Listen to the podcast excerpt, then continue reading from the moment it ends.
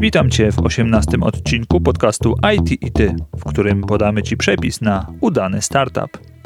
Notatkę, transkrypcję oraz wszystkie linki z dzisiejszej rozmowy znajdziesz na stronie itity.pl łamane przez 18. Przypominam, że w poprzednim odcinku razem z Arturem Sową rozmawialiśmy o IT w służbie biznesowi. Jeśli jeszcze tego nie zrobiłeś, to zachęcam Cię do podzielenia się opinią odnośnie tego podcastu poprzez wystawienie oceny lub recenzji w aplikacji, której używasz do słuchania. Czy tego chcemy, czy nie, technologie informatyczne to nasza codzienność. Są tak powszechne jak elektryczność. Może Ty też jesteś związany z branżą IT? A może świat IT dopiero czeka na Ciebie? Poprzez wywiady takie jak ten chcę pokazać i przybliżyć różne oblicza świata IT a także ukazać ludzką twarz osób, które na co dzień w nim przebywają.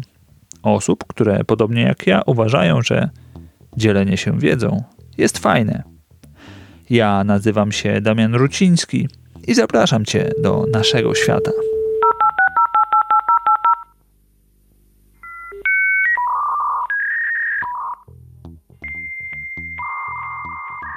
Ciężko znaleźć osobę, która nie spotkała się z określeniem startup. Ale czy wszyscy wiedzą, co się za nim kryje? Co zrobić, a czego nie, aby uruchamiane przedsięwzięcie po prostu wypaliło? Aby znaleźć odpowiedź na te najważniejsze pytania, do dzisiejszego odcinka zaprosiłem człowieka, który temat startupów zna z poziomu fundera, inwestora, jak i mentora. Były country manager SoftServe Poland, obecnie w roli APAC Client Success Lead, czyli osoba odpowiedzialna za rozwój i sprzedaż na rynkach azjatyckich. Paweł Łopatka, prywatnie ekstremalny fan swojej rodziny. Cześć Paweł. Cześć Damian. Zazwyczaj jest tak, że zaczynam od takich pytań na rozgrzewkę i w tym przypadku rozmowy z Tobą nie będzie inaczej. Zacznę od pytania, które mm, jest bliskie mojemu sercu, ponieważ podcasty to, to coraz bardziej część mojego życia, więc Pawle, czy słuchasz podcastów i jeśli tak, to czy mógłbyś podzielić się z nami tym, czego słuchasz? Damian, oczywiście słucham podcastów. Y, na pewno słucham Twojego podcastu IT i Ty. Y, słucham też innych podcastów y, bardziej sektorowych, biznesowych i technologicznych, bardziej w obszarach, w których się też poruszam. Są to podcasty na przykład Nowoczesny Lider Sebastiana Drzewieckiego, Good Morning BSS albo BSS bez tajemnic Wiktora Doktura ale również słucham podcastów, które są nagrywane u mnie w firmie, na przykład People, Tech and Other Weirdness przez SoftServe, Również słucham e, Grega Albrechta, małej wielkiej firmy Marka Jankowskiego, lidera 4.0 pana Herdzika Krzysztofa. No ale też wydaje mi się, że dużo osób też słucha biznes w IT Piotra Buckiego. E, osobiście też jeszcze mocno działam w obszarach marketingowych, więc Marketing Masterclass Magdaleny Pawłowskiej też u mnie tutaj wchodzi w grę. Ale też przyznam się, że tak jak powiedziałeś, podcasty są bliskie Twojemu sercu, jak również i mojemu. Zaczynam teraz przygodę z podcastowaniem i już niedługo pojawi się podcast y, The Bold Tie Business Technology, y, którego będę autorem. No proszę bardzo, to już teraz witam cię serdecznie w gronie, w gronie podcasterów. Myślę, że to będzie coś, czego co ja już na pewno w chwili obecnej, chociaż tego jeszcze nie ma, z chęcią zasubskrybuję i, e, i będę słuchał. Fajna lista, dzięki za, e, za podzielenie się tym. A teraz powiedz Pawle, mm, no jesteś już, e, można powiedzieć, mm, no, wysoko postawionym człowiekiem w świecie IT, w świecie biznesu, ale wróćmy do korzeni. Jak to w ogóle się stało, że rozpoczęła się Twoja przygoda z komputerami? O, to już sięgam chyba lat dzieciństwa. No, kiedyś pierwsze komputery w Polsce to chyba wszyscy tak zaczynali, to były tak zwane Commodore. Nieliczni mieli Atari, ale pamiętam jak miałem chyba 7-8 lat, mój brat rok starszy ode mnie, dostaliśmy od rodziców pierwszy komputer, przynieśli takie szare pudełko z klawiaturą. Ekscytacja była straszna, dreszcze na karku włożyliśmy tego kartridża, odpaliliśmy i nagle na ekranie takim zielonym jeszcze od którego włosy stawały na rękach, bo, bo było mocne promieniowanie, pojawiło się mrygające okienko, tak? I tak naprawdę zaczęła się ta przygoda. Później wiadomo, y, poszły jakieś tam y, magnetofon, na którym żeśmy stroili śrubokręcikiem sobie y, kasetę, żeby można było wgrać pierwszą grę i po pół godziny okazywało się, że jednak się nie wgrała, więc znowu następne pół godziny, tak? No i później poszło to jakoś do przodu, tak? Więc te komputery już istniały w naszym życiu i poszły jeszcze głębiej i dalej. Mieliśmy później jakiegoś Atari, później żeśmy weszli bardziej w takiego typowego peceta z jakimś procesorem, nie wiem, 800 MHz, to był w ogóle hit. No i później przez całą tam, można powiedzieć, okres szkolny, aż po studia, człowiek robił wszystko, bo instalował, reinstalował, składał procesory i wszystko, co możliwe z tymi komputerami. Mieliśmy chyba kilka na części, kilka, mm, można powiedzieć, działających. No i tak tym, można powiedzieć, tropem trafiłem na studia informatyczne. E, wybierałem pomiędzy budownictwem a informatyką. E, no i jestem, można powiedzieć, tutaj. Aha, okej. Okay. Czyli wybrałeś informatykę, okej. Okay. To faktycznie jak tak się spojrzy wstecz, no to te, te czasy już zamierzchłe, można powiedzieć, to nauczyły wiele pokory chyba e, te osoby, które dzisiaj e, mają to doświadczenie e, i, i faktycznie to, to powiedzmy półgodzinne czekanie, za jeszcze kręcenie śrubokręcikiem i strojenie, które nie zawsze powodowało to, że efekt będzie taki, jak oczekujemy, no to to, to, to jest coś, co, co, co jest bezcenne w doświadczeniu chyba właśnie tego tak, człowieka związanego z, z technologią i, no, i mającego na chwilę obecną chyba taki większy respekt i, i też szacunek do tego, co się wydarzyło w, przez te całe dziesiątki lat, jak, jak ten postęp poszedł do przodu. To były e, czasy, gdzie nie było jeszcze telefonów komórkowych, komputer to było już szczyt techniki, później weszły telefony komórkowe, pierwsze wielkie jak cegłówki, jak ktoś miał w ogóle pierwszy w klasie telefon, to był znany na całą szkołę, nie? Mm, no tak. Dobrze, mówimy o, o tym niesamowitym jakimś takim boomie technologicznym, czy, czy, czy tej, tym, jak to się wydarzyło, ale przechodząc do tematu dzisiejszej rozmowy, czyli będziemy rozmawiać o startupach.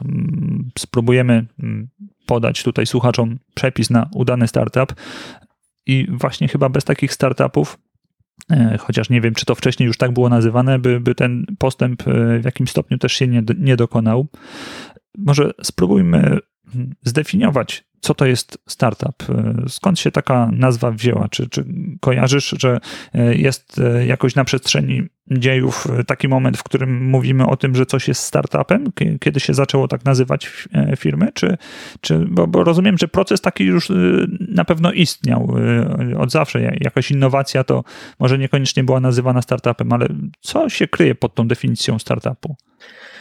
Ogólnie chyba definicja startupu y, jest to coś, co jest jakiś podmiot albo jakaś inicjatywa, która zmierza do monetyzacji. Y, firma założona przez jednego, może więcej przedsiębiorców w celu opracowania jakiegoś unikalnego produktu lub usługi, który docelowo ma być wprowadzony na rynek, tak?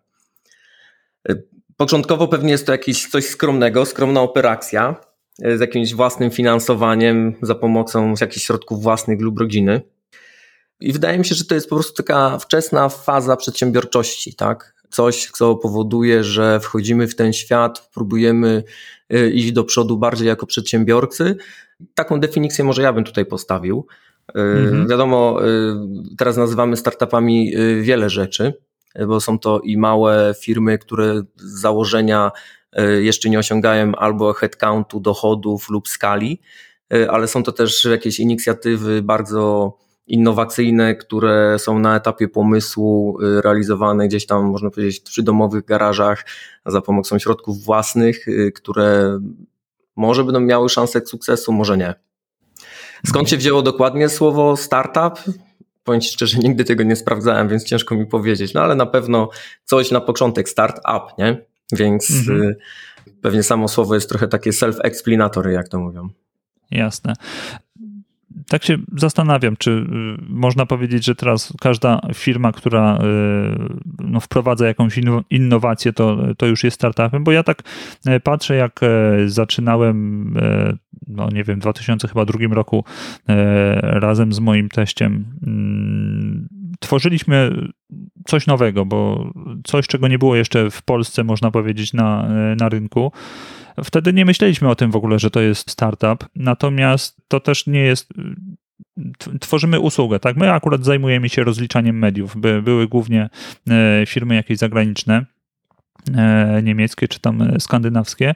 Natomiast my opracowaliśmy wspólnie metodę tego rozliczania i zarazem program, czyli już gotowy produkt i system do, do rozliczania tego. I czy coś takiego y, też może się wpisywać w definicję startupu, bo startup to hasło, nie wiem, chyba tak najbardziej y, modne stało się, nie wiem, z około 10-15 lat temu, tak?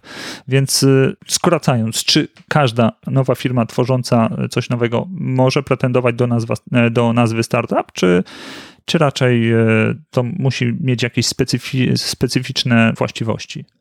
Ja bym powiedział, że definicji jest wiele. Wydaje mi się, że jeżeli coś finansujemy z własnych środków albo z jakiegoś budżetu ściśle określonego, żeby pokazać e, jakieś MVP, które ma przynieść określone rezultaty, znaleźć klientów, zacząć początkową monetyzację i nie jest to jeszcze docelowy produkt, który już w pełni wchodzi na rynek i monetyzuje się przy jakiejś tam skali, to jest na pewno startup. Mhm. Okej. Okay. Dobra, no to, to już mniej więcej wiemy, czym ten startup jest. A powiedz mi, mm, jak zaczynamy y, przygodę właśnie ze startupem? Czy to trzeba y, od razu rzucić etat i iść e, w to jak, jak burza, mając tam e, powiedzmy jakąś odłożoną kubkę pieniędzy na, na kilka miesięcy, żeby przetrwać, czy też można spokojnie rozpocząć sobie tą przygodę z e, na przykład jako, jakiś side project, czyli gdzieś pracujesz na, na etacie, ale gdzieś po godzinach próbujesz sobie startować z tym no, startupem. Czy coś takiego, takie podejście w ogóle ma sens, czy się sprawdzi, czy, czy też może mm, szkoda czasu na to, żeby, żeby w ten sposób się bawić. Jak, jak ty to widzisz? To jest w ogóle dobre pytanie, bo to też zależy na jakim etapie życia i doświadczenia jesteśmy. Jeżeli już żeśmy robili jakiegoś typu inicjatywy, startupy w przeszłości i parę nam nie wyszło, albo może wyszło, to wiemy dokładnie jak zrobić e, nowy startup i jak szybciej, można powiedzieć, odnieść sukces w nim. E, wydaje mi się, że możemy zacząć od zwykłej myśli, inicjatywy. Nie trzeba od razu rzucać pracy, żeby e, ten pomysł przekształcić w przyszłości w jakiś mm, początkujący biznes, który docelowo przyniesie nam y, monetyzację albo mm, satysfakcję nawet z, z samej pracy w tym obszarze, tak? Więc y, podejść jest wiele. Y, czy trzeba od razu mieć na to pieniądze? Z doświadczenia wiem, że pieniądze nigdy nie przeszkadzają, a raczej pomagają w realizacji pomysłów, bo w obecnych czasach, jeżeli mówimy na przykład o startupach software'owych, to nawet wykorzystanie chmury wiąże się z kosztami, więc y, możemy stworzyć jakąś aplikację albo y, mały kawałek kodu, który gdzieś tam będziemy sobie deployować i on będzie miał jakieś skutki i dalsze kroki działania, ale docelowo, jeżeli chcielibyśmy wypuścić jakieś podstawowe MVP, y, no to wiąże się z to z tym przykładowo, że musimy gdzieś to umieścić albo w jakimś Apple Store, albo e, w, w Google'owym właśnie e, portalu. E, no i to też docelowo będzie się wiązało z jakimiś dodatkowymi tam opłatami. Na przykład, jeżeli będziemy wykorzystywali mapy Google'a, to pewnie będziemy musieli płacić za konsumpcję danych w chmurze, tak? Mhm. Więc pomysł jest najważniejszy. Możemy robić to nawet pracując na etacie, po godzinach pracy jeżeli to będzie fajnie pączkowało i przynosiło fajne rezultaty, wtedy trzeba podjąć jakąś męską decyzję, czy albo skupiamy się na startupie, albo idziemy dalej w etat, no bo chyba ciężko uciągnąć, można powiedzieć, dwa wątki naraz i skupić się w 100% na dwóch rzeczach. Jest to raczej a wykonalne w długim okresie czasu, pewnie w krótkim tak, ponieważ doba ma tylko 24 godziny. No i też chyba głównym celem takiego startupu i przyszłego finansowania jest to też, żeby owner, y, pomysłodawca tego startupu był jednak w 100% zaangażowany i chyba swoją rolą i postawą pokazywał, że wierzy w to, co dewelopuje w ten produkt. Y, ta krzywa pewnie sukcesu nie, nie jest taka prosta jak przykładowo w zwykłym outsourcingu, ale na pewno długofalowo może być bardziej opłacalna, tak? Mhm. Okej. Okay. E, dobrze. Czyli Zależy, tak? Można powiedzieć, tak, te, ta, ta, taka uniwersalna y, odpowiedź to zależy, to, to mi się nasunęła, ale z tą tendencją do tego, żeby jednak jeżeli y, chcemy zabierać się za startup na, na poważnie, no to, to trzeba faktycznie pokazać światu, że, że w to się wierzy, tak? I, i iść w to. Okej. Okay. Czy boom na startupy nadal trwa? Takie pytanie mi się nasunęło, bo co chwila y, słyszę, y, że są jakieś projekty, nawet, nawet unijne, przy, przy jakichś inkubatorach technologicznych, y, są jakieś granty na, na to, żeby dofinansowywać przedsięwzięcia, które mm, są nazywane startupami. I pytanie, czy ten trend to jest y, raczej się wygasza, czy, czy to będzie raczej fala wznosząca? Jak, jak tutaj to widzisz? Wiesz to jest y, pytanie, nie wiem, czy jestem najlepszą osobą, żeby na to odpowiedzieć. Są bardziej znane osoby na rynku, które chyba widzą te trendy, na przykład y, Borys Musielak ale y, tak jak ja to widzę, że to się dalej utrzymuje, tak? Y, większość dużych enterprise'ów zakłada specjalne komórki organizacyjne, które można powiedzieć drive'ują wzrost startupów, inwestują w te wszystkie opcje rzeczy. Mamy dużo funduszy, aniołów biznesów, sam NCBR w Polsce y, w tamtym roku jeszcze miał bardzo dużo programów, które pomagały w dofinansowywaniu różnego typu inicjatyw. Ostatnio nawet natknąłem się na artykuł New York Timesa z sierpnia tego roku, który właśnie prosto mówi, że boom na startupy w pandemii staje się coraz silniejszy. I mhm. pomimo dziesięcioleciach zanikania jakby wniosków o rozpoczęcie działalności e, właśnie w Stanach Zjednoczonych, właśnie w tych latach pandemicznych e, widzą potężny wzrost, co może okazać się, że zapewni większą, bardziej odporną gospodarkę w przyszłości, tak? Więc wydaje mi się, że ten boom jednak trwa cały czas. E, jest mhm. może bardziej ustabilizowany i zrozumiały, ponieważ nie jest to taki początkujący trend na rynku, ale dalej istnieje i, i jest widoczny. Mhm, Okej. Okay. No, na pewno to, to hasło startup nie jest już jakimś hasłem enigmatycznym i, i, każdy wie, co, to, co mniej więcej się za tym kryje, tak? Natomiast to fajnie, że, że za oceanem jest taki trend. Myślę, że e, z lekkim poślizgiem, ale tutaj u nas w Polsce chyba też się pojawi. Chociaż czy się pojawi. Może startupy uderzą jeszcze ze wzmożoną siłą, bo, bo, bo ten boom już, już teraz trwa.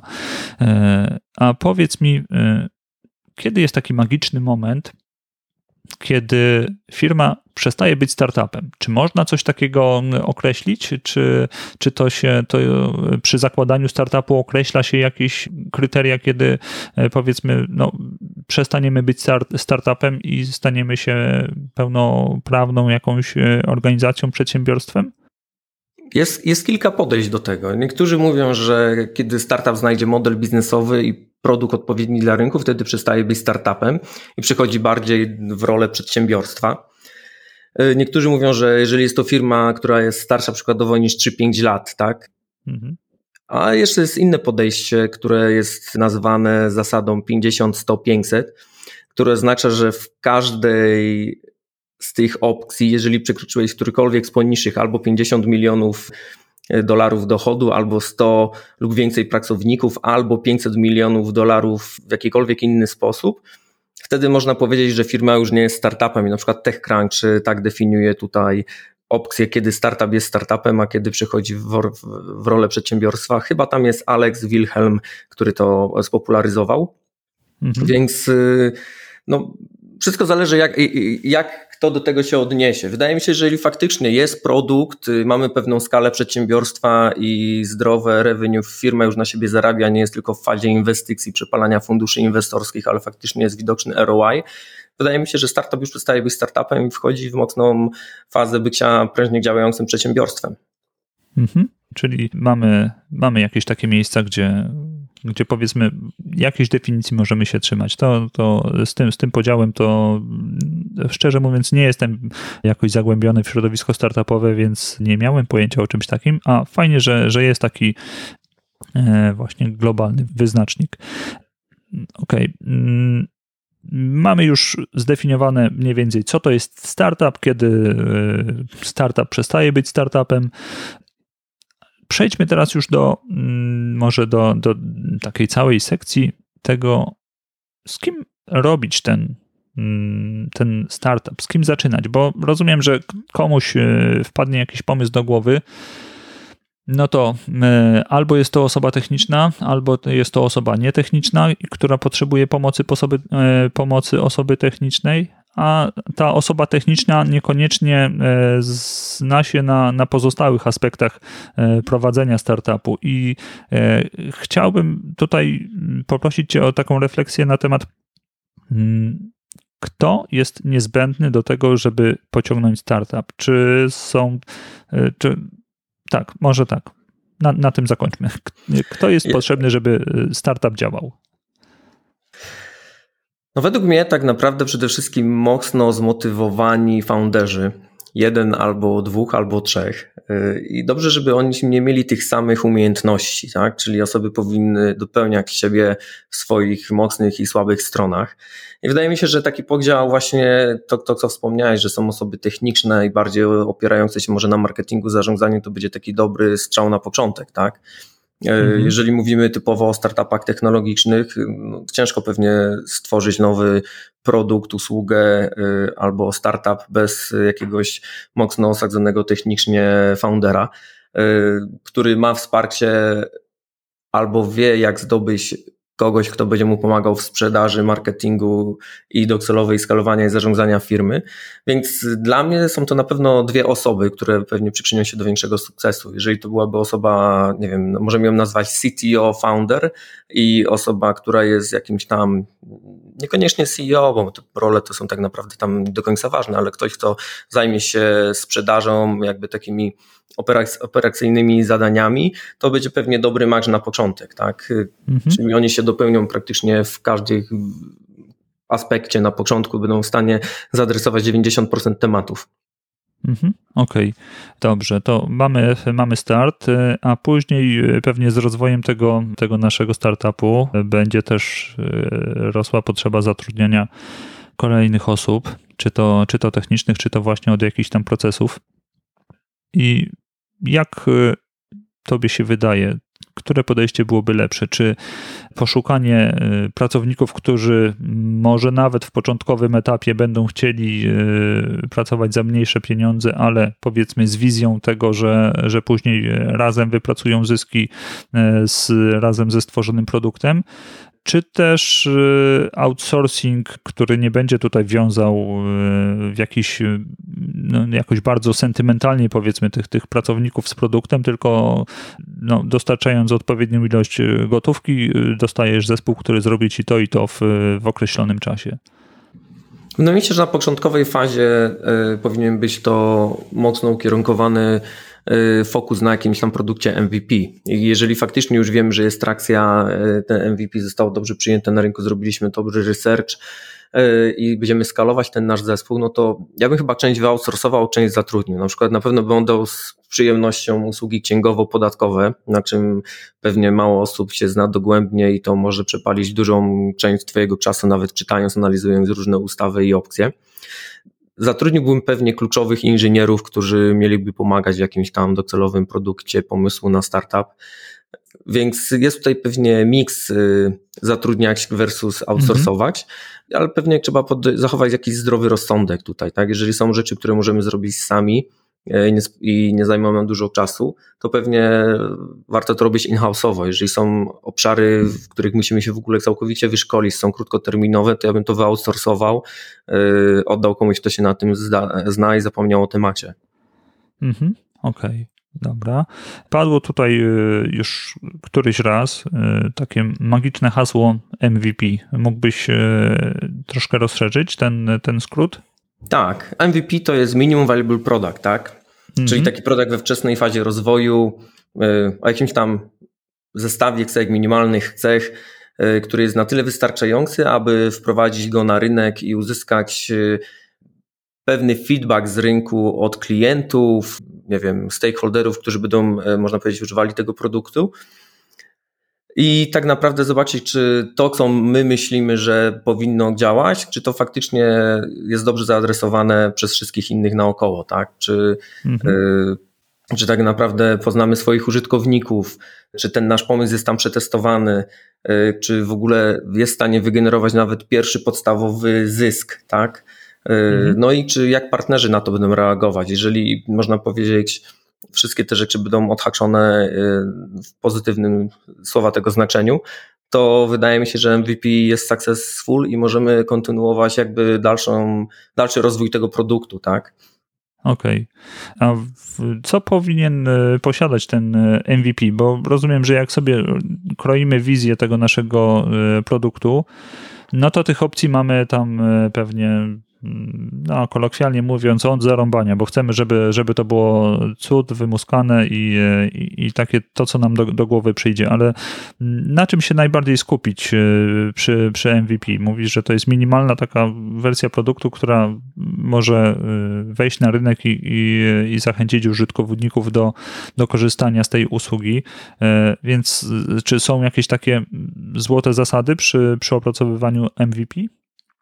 Wydaje mi się, że jest par, kilka takich podstawowych y, zasad, ale w skrócie można byłoby tu powiedzieć, że to muszą być cechy tego MVP, muszą być w taki sposób ukierunkowane, aby MVP umożliwiło pozyskanie informacji zwrotnych od klientów, bo to jest y, cały cel tego MVP, tak? Żeby jak najszybciej zweryfikować swoje tezy, założenia. Jeżeli są błędne, żeby to poprawić i nie przepalać dalej pieniędzy, yy, które tak naprawdę nigdy mogą się nie zwrócić, jeżeli żeśmy źle założyli cały, cały produkt. Okej. Okay. Mm, to jeszcze takie ostatnie pytanie w e, kwestii MVP. E, czy powinno być tworzone w tej docelowej technologii, którą e, zamierzaliśmy sobie e, przy, przy opracowaniu tego produktu, czy też e, można się pokusić tutaj o to, żeby, mm, no, żeby wykorzystać chociażby jakieś rozwiązania no-code czy low-code? Ja bym pytanie zadał inaczej. Jeżeli MVP, mhm. kluczem MVP jest uświadomienie inwestorom i partnerom czy odbiorcom, że ta technologia jest właśnie kluczem do zbudowania startupu i monetyzacji powinniśmy pewnie użyć tej technologii. Jeżeli y, MVP ma pokazać co innego, to wydaje mi się, że technologia w tle nie ma znaczenia, bo chcemy zweryfikować tylko tezę, założenie, y, można powiedzieć, naszego pomysłu na startup oraz zobaczyć, czy on w ogóle, można powiedzieć, zaście na rynku i czy będzie dobry odbiór zewnętrzny i czy będzie się monetyzował. Mhm, Okej, okay. czyli e, w zależności od tego, co chcemy uzyskać tym, tym, tym MVP, to, to, to, to w ten sposób, tak? Tak, je budujemy, tak. Tak rozumiem. Mhm, Okej, okay. E, dobrze. Kolejny e, wątek, który chciałem poruszyć, to mm, finansowanie, bo tak wspomniałeś wcześniej, że zawsze jak, jak są pieniądze na projekt, to one nie przeszkadzają. Mm, więc co zrobić, aby, e, aby tych e, pieniędzy było jak najwięcej? Czyli e, kiedy szukać pieniędzy i, i gdzie ich szukać? To może takie dwa pytania od razu w jednym, bo myślę, że są takie mocno połączone ze sobą. I mm, to, to kiedy to, to pytam, czy czy to już e, na etapie wymyślania projektu, czy zanim zaczniemy już e, działać, powiedzmy opracowywać swoje MVP, to już trzeba się rozglądać za, za, za tymi środkami, czy też może dopiero jak zacznie brakować tych pieniędzy, jak sobie coś tam przeliczymy, no to, to, to, to wtedy o tym myśleć? No to jest bardzo dobre pytanie. To wszystko zależy od pomysłu. Wydaje mi się, że początkowa faza takiego startupu powinna być realizowana z naszego pomysłu i pewnie z jakichś naszych najbliższych y, środków finansowych, własnych, rodziny. Y, I to też pokazuje tak naprawdę w przyszłości inwestorom, że my wierzymy w to, co y, chcemy osiągnąć poprzez ten, ten nasz startup, ten nasz produkt.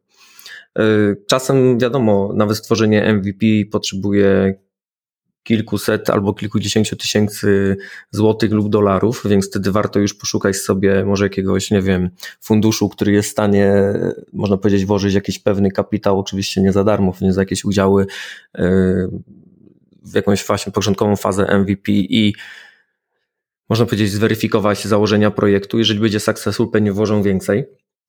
Ale z mojej perspektywy, im więcej włożymy własnych tam środków na początku, y, tym lepiej będziemy postrzegani później przez inwestorów. Z drugiej perspektywy też y, udowadniamy sobie samemu, że wierzymy w to, co tutaj robimy, tak? Mhm. Ale kluczowym chyba w tym wszystkim jest to, żebyśmy dobrze rozpoznali też rynek na początku, tak? Że, że zanim zaczniemy też mocno inwestować, można powiedzieć swój świetny pomysł, żebyśmy zrobili trochę zadania domowego, żebyśmy zbadali, co jest na rynku, w jaki sposób jest to postrzegane, czy jest nisza, czy nie ma niszy. Jeżeli nie ma niszy, to dlaczego chcemy tam wejść, kto będzie naszym odbiorcą, jakie persony można zidentyfikować, w jaki sposób rozmawiać z tymi osobami. To jest dużo takiej jakby praksy u podstaw, którą można wykonać, zanim jeszcze utopimy, można powiedzieć, pierwsze złotówki y, w naszym pomyśle tutaj na biznes. Mhm, okej, okay. czyli to y, badanie rynku to powinno się odbyć y, zanim jeszcze zaczniemy pracę nad MVP, czy, czy też jak sobie opracujemy jakieś założenia do projektu? Wydaje mi się, że, że tak, że, że możemy robić MVP, ale musimy mieć jakieś wczesne wyniki i założenia, gdzie to będzie rozpowszechniane, gdzie to będzie, nie wiem, propagowane i jak rynek na to będzie reagował, no bo e, mhm. wychodząc na rynek z jakimś MVP nawet do przyszłych potencjalnych inwestorów, oni pewnie się o to zapytają, tak? Czy zrobiliśmy badanie rynku, jaki jest potencjał, że to się uda, jak są odbiorcy i wiele innych pytań, na które mhm. trzeba będzie dosyć szybko, zgrabnie odpowiedzieć. Im bardziej będziemy przygotowani, tym większa szansa na powodzenie i na potencjalną inwestycję. Mhm. Jeszcze pozostając w tym, przy tym badaniu rynku, czy, czy to badanie e, dobrze byłoby powtarzać, czy też raz zrobione przed projektem e, do, uznajemy za święte? Nie, zdecydowanie tak. Wydaje mi się, że y, wiele startupów, y, sam osobiście znam wiele, y, całkowicie zmieniło, można powiedzieć, od pomysłu wyjściowego do aktualnego stanu, w ogóle całkowicie model biznesowy, a nawet i częściowo produkt. Tak? Zaczynał się w ogóle produkt, który miał realizować założenia A, kończy się realizując założenia, nie wiem, XYZ i wtedy trzeba, można powiedzieć, całkowicie naokoło wszystko zredefiniować, sprawdzić naokoło rynek i zobaczyć tak naprawdę, w czym ten produkt tak naprawdę ma szansę na powodzenie, bo to, że my chcemy wysyłać rakietę w kosmos, może niekoniecznie jest wspierane przez, można powiedzieć, inwestorów i, i otoczenie nasze. I może trzeba zredefiniować to i może trzeba robić loty w kosmos tylko na stratosferę, a niekoniecznie y, latać od razu na księżyc. Mhm, Okej. Okay. E, dobrze, to mamy to, to jakieś badanie rynku zdefiniowane, które e, może nam się przydać przy rozmowie z potencjalnymi inwestorami. E, to skoro jesteśmy przy tych inwestorach, to gdzie tych inwestorów można szukać? Jak bo z tego, co mi przychodzi do, do głowy, no to są jakieś takie dwa e, modele. Jeden crowdfunding, drugi e, anioły biznesu, e, które no, czasem trzeba się wykazać, no, wykazać. I chyba nie, nie czasem, tylko zawsze i w, w obydwu przypadkach wypadałoby się jakoś wykazać. Więc co, co o, o, tym, o tych źródłach mógłbyś powiedzieć, ewentualnie jeszcze jakichś innych? Zresztą tak naprawdę chyba zaczyna się e, większość tych startupów od takiego bootstrappingu, nie? czyli od wykorzystania w jakichś własnych wewnętrznych e, funduszy finansowych e, bez mhm. pomocy z zewnątrz. Później chyba następnym krokiem, który jest dosyć częsty, jest pozyskaniem crowdfundingu, czyli kapitału od dużej społeczności drobnych darczyńców, który też starczy na jakiś określony czas. Yy, no i można powiedzieć, za pomocą tych takich dwóch pierwszych opcji jesteśmy w stanie zrealizować jakby pierwsze założenia, kroki, jakieś tam badania rynku, często jakieś MVP, które pcha nas jeszcze dalej. Yy, no ale później są jeszcze inne opcje, które są yy, możliwe. Są to aniołowie biznesu, instytucje oferujące granty B, B, B plus R, tak? Platformy crowdfundingowe, które żeśmy tutaj wspomagali, ale też fundusze e, takie zalążkowe, wysokiego ryzyka, które pewnie dadzą nam kasę, ale pewnie dosyć mocno z nas e, zedrą, jeżeli chodzi o, o części wspólne tego, tego, tej inicjatywy. Mamy fundusze mhm. Venture Capital i pewnie wiele innych jeszcze jakby miksów tego wszystkiego, które jest dostępne na rynku. Rynek jest dosyć duży i szeroki, jest tego bardzo dużo. Wydaje mi się, że mocne obszary y, dobrego startupu na pewno znają dobrego inwestora z y, dobrym pomysłem. Więc do odważnych świat należy. Mhm. Okej. Okay. Powiedz mi, y, co trzeba by posiadać, żeby y, przekonać faktycznie takiego inwestora? Bo na pewno badanie rynku się przyda, na pewno MVP. Y, coś, y, coś jeszcze tutaj byś podpowiedział? Jest to na pewno dobry biznesplan. Z własnego doświadczenia wiem, gdyż też kiedyś robiłem taki mały startup w branży eko, opierający się na identyfikowaniu śmieci na świecie, że te fundusze, inwestorzy zawsze pytają o dobry model biznesowy, czy founderzy są e, w tym środowisku, czy są skomitowani, czy był przeprowadzony, nie wiem, właśnie e, raport jakiś środowiskowy, background checki, e, raporty oraz w jaki sposób długofalowo oni widzą monetyzację, tak? Jeżeli już mamy, mamy już w ogóle potwierdzony jakiś model MVP, w jaki sposób na przykład ten monthly revenue rate będzie wzrastał, tak? Y, I jaka jest strefa zwrotu, więc im bardziej będziemy przygotowani, więcej faktów y, i nawet bym powiedział klientów będziemy mieli, którzy potwierdzą, że nasz model biznesowy działa, tym większa szansa na zdobycie finansowania na lepszych warunkach dla nas. Mhm, Okej. Okay. Czy mm, dysponujesz może, czy tam są gdzieś dostępne e, w czeluściach internetu e, jakieś statystyki odnośnie tego, e, ilu firmom w ogóle się udaje? To pytam tak w kontekście no, szerokim świata, Europy, ale Polski tak samo. Czy, czy gdzieś takich, takich informacji można poszukać? Informacje są dostępne. Nie mam tych statystyk przed sobą, ale chyba wielu firmom się raczej nie udaje, a niewielu się udaje. Więc mhm. chyba ta, tak bym to skomentował, więc trzeba naprawdę dużo efortu, samozaparcia, wiary, i finansowania i dobrej, dobrego szczęścia, można powiedzieć, żeby, żeby wyjść, e, można powiedzieć, e, obronną ręką i, i być successful w takim świecie startupowo-produktowym. Ale aczkolwiek udaje się to. No, e, też mamy kilka jakichś tam unicornów w Polsce, no ale to też pokazuje tylko, że tu nie mamy ich tysiące, ale tylko kilka. Mhm. Co powoduje, że ta droga jest możliwa, ale nie jest łatwa, tak? Wiele wspólnych czynników od doświadczenia, dobrego pomysłu, dobrego doradztwa, dobrego finansowania, dobrych partnerów naokoło właśnie powoduje to, czy nam się uda, czy nie. Mhm, Okej. Okay. Powiedzieliśmy już y, o takich y, rzeczach, które warto zrobić, żeby ten, y, ten startup nam były większe szanse, żeby nam wystrzelił w kosmos. Mm, a chciałbym jeszcze poruszyć taki temat, y, czego się wystrzegać. Jakie są może najczęstsze błędy popełniane przez y, startupy, które potrafią położyć niejeden dobrze zapowiadający się jakiś y, właśnie pomysł? Przede wszystkim testować swoje założenia na wczesnym etapie w ogóle pomysłu startupu, tak? Im więcej im większą ilością osób porozmawiamy, im szybciej zweryfikujemy nasz pomysł, nasze założenia i porozmawiamy z osobami, które się na tym znają, tym większa szansa, że albo zweryfikujemy swój plan, albo troszeczkę go adaptujemy, albo w ogóle go położymy, co też nie jest czasem złą opcją, tak? Przynajmniej nie przypalimy. Chyba najczęstszym błędem jest to, że inwestujemy pieniądze i dopiero późniejszym stadium, gdy już mamy praktycznie, można powiedzieć, gotową pierwszą wersję produktu, już nawet MVP, dopiero wychodzimy z nim na rynek, który całkowicie nie odzwierciedla potrzeb rynkowych y, oraz inwestorów, y, jakie są potrzebne. Tak? Czasem bywa, mhm. że po paru latach jednak udaje się tym produktom wyjść na rynek, no ale chyba lepiej sobie pomagać niż przeszkadzać. Więc y, wydaje mi się, że te wczesne, wczesne stadium weryfikacji oraz doradztwa oraz także przyjęcia rady naprawdę od osób, które się na tym znają jest y, kluczowe y, w powodzeniu całej inicjatywy. Mhm. Okej, okay, dobra.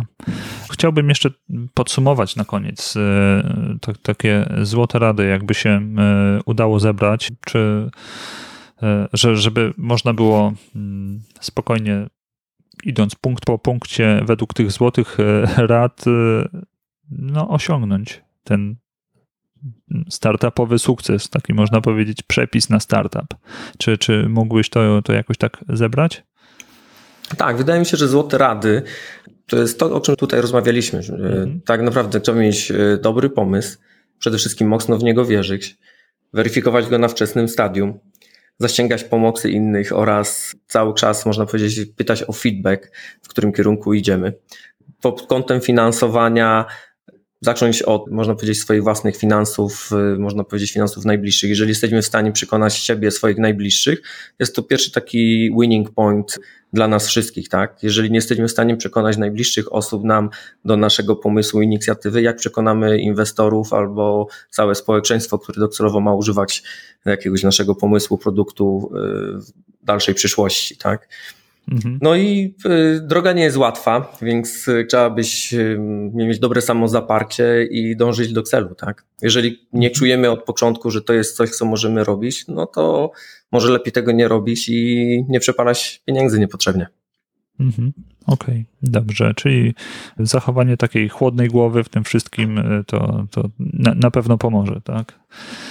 Dobrze, Paweł chyba większość takich tematów, które na, na takim poziomie entry level e, chciałem z Tobą poruszyć, to, e, to już mamy załatwione, e, więc e, zmierzamy do lądowania. Mm, powiedz mi, czy są jakieś e, materiały uzupełniające, które mógłbyś tutaj polecić w, e, właśnie w tym startupowym temacie, czyli jakieś książki, blogi, podcasty, to już kilka padło tam w, w czołówce. Czy, czy, czy też jeszcze może coś, e, coś innego? Mhm. Jest bardzo dużo materiałów i w ogóle internet jest przepełniony w ogóle całą tematyką startupową. E, ja na pewno dużo wzorowałem się w przeszłości na pewno na Smog Ventures, na, e, na tej organizacji, które mają, mają też bardzo duże doświadczenie i też można znaleźć nawet jakieś podcasty odnośnie Smog Ventures tutaj i poczytać troszeczkę o nich. Y, jest dużo książek, nie wiem, z takich książek, które na pewno warto polecenia. The Road, Cormac McCarthy jest y, dobrą opcją na pewno do przeczytania. Y, ja osobiście czytam też dużo książek, ale ja chyba wszystkich tu nie będę wymieniał, ale na pewno wszystkie książki Bransona przeczytałem. Dużo takich marketingowych. O, fajna książka na przykład w jaki sposób się wypowiadać w ogóle, to jest medialne lwy dla rekinów biznesu albo Sell Like Crazy. Więc y, dla każdego coś dobrego tak naprawdę. Okej, okay. no to, to fajny zestaw. Myślę, że, że po, po przeczytaniu tego na pewno będzie e, troszkę, troszkę łatwiej. Dla mnie no, większość pozycji to są jakieś nowe pozycje, więc, e, więc dodaję do, do mojego, e, że tak powiem, listy życzeń. Pawle, powiedz mi, bo w tym podcaście chcę też pokazać taką e, ludzką twarz e, osób, które w tym IT szeroko pojętym działają. Nie tylko, że śledzą ze śrubokrętem i pilnują kasety przy magnetofonie, tak? E, powiedz mi, czy masz jakieś pasje takie spoza IT? Ja mam praktycznie same pasje spoza IT, bo jeżdżę na motocyklu. Największą pasją w ogóle to są chyba teraz moje dzieci, które przebiły wszystkie moje pasje ostatnimi latami, ale e, razem z nimi realizujemy wspólne pasje, e, które są na przykład windsurfingiem. E, osobiście z żoną też próbujemy teraz kajta. No i ja jako osoba, która jest dosyć ekstrowertyczna też lubię większość sportów ekstremalnych, więc jeżeli widzę coś, co podnosi trochę adrenalinę, to stoję prawie pierwszy w kolejce za każdym razem. Mhm, Okej. Okay. E, dobrze, Paweł. Mm, powiedz mi, gdyby ktoś chciał e, się z Tobą e, skontaktować albo, albo gdzieś Ciebie posłuchać, poczytać, to, to gdzie macie szukać w sieci? Najprościej chyba przez LinkedIna. Paweł Łopatka bez polskich znaków. Na pewno mnie rozpoznacie przystojny, łysy typ, żartuję oczywiście, ale jest na pewno osobą rozpoznawalną. Na LinkedIn na pewno mnie od razu rozpoznacie. Yy, I wydaje mi się, że to jest najlepszy punkt dostępu do mnie. Jeżeli nie, to też można napisać maila paweł.łopatka.gmail.com Z chęcią odpiszę, porozmawiam. Mhm. Okej. Okay. E, oczywiście te linki tak samo gdzieś w notatce się pojawią do, e, do podcastu, żeby, e, żeby ten kontakt był jeszcze łatwiejszy. E, Pawle, dziękuję Ci bardzo za, za tą naszą dzisiejszą rozmowę, za podzielenie się Twoim doświadczeniem i, i Twoją e, wizją na temat startupów. Na koniec poproszę Cię jeszcze o to, abyś powiedział nam jakiś dowcip, suchar taki ze świata IT, bądź też anegdotę jakąś z życia. O, dzięki Damian. Również za zaproszenie. Taki suchar ze świata IT. E, nie wiem, jak mieszkałem w akademiku, w Opolu, bo studiowałem na Politechnice Opolskiej, to był tam taki suchar typowy dla informatyków, jak jeden informatyk mówi do drugiego, ej, wpadasz do nas na weekend? A co, co będzie? No, będą fajne dziewczyny. No dobra, ile tych dziewczyn będzie? Dwa gigabajty. To taki suchar właśnie na koniec. Okej. Okay. Na dzisiaj to tyle. Oczywiście ciężko zamknąć tak szeroki temat w ramach niespełna godzinnej rozmowy. Jednak jestem przekonany, że trzymając się rad, których udzielił Paweł, sukces kiełkującego w Twojej głowie pomysłu zyskał mocne podstawy do tego, by stać się faktem. Zatem do dzieła. Spodobał Ci się ten odcinek? To proszę, podziel się nim z jednym znajomym, którego też może zainteresować. Masz jakieś uwagi lub pomysły? Pisz śmiało na adres damianmałpa.itity.pl lub komentuj w social mediach. Oczywiście zapraszam do subskrypcji podcastu w Waszych czytnikach lub zapisu na newsletter. Wtedy na pewno nie przegapicie kolejnego odcinka. Ja nazywam się Damian Ruciński i przypominam Ci, że dzielenie się wiedzą jest fajne. Do usłyszenia. Ba ba.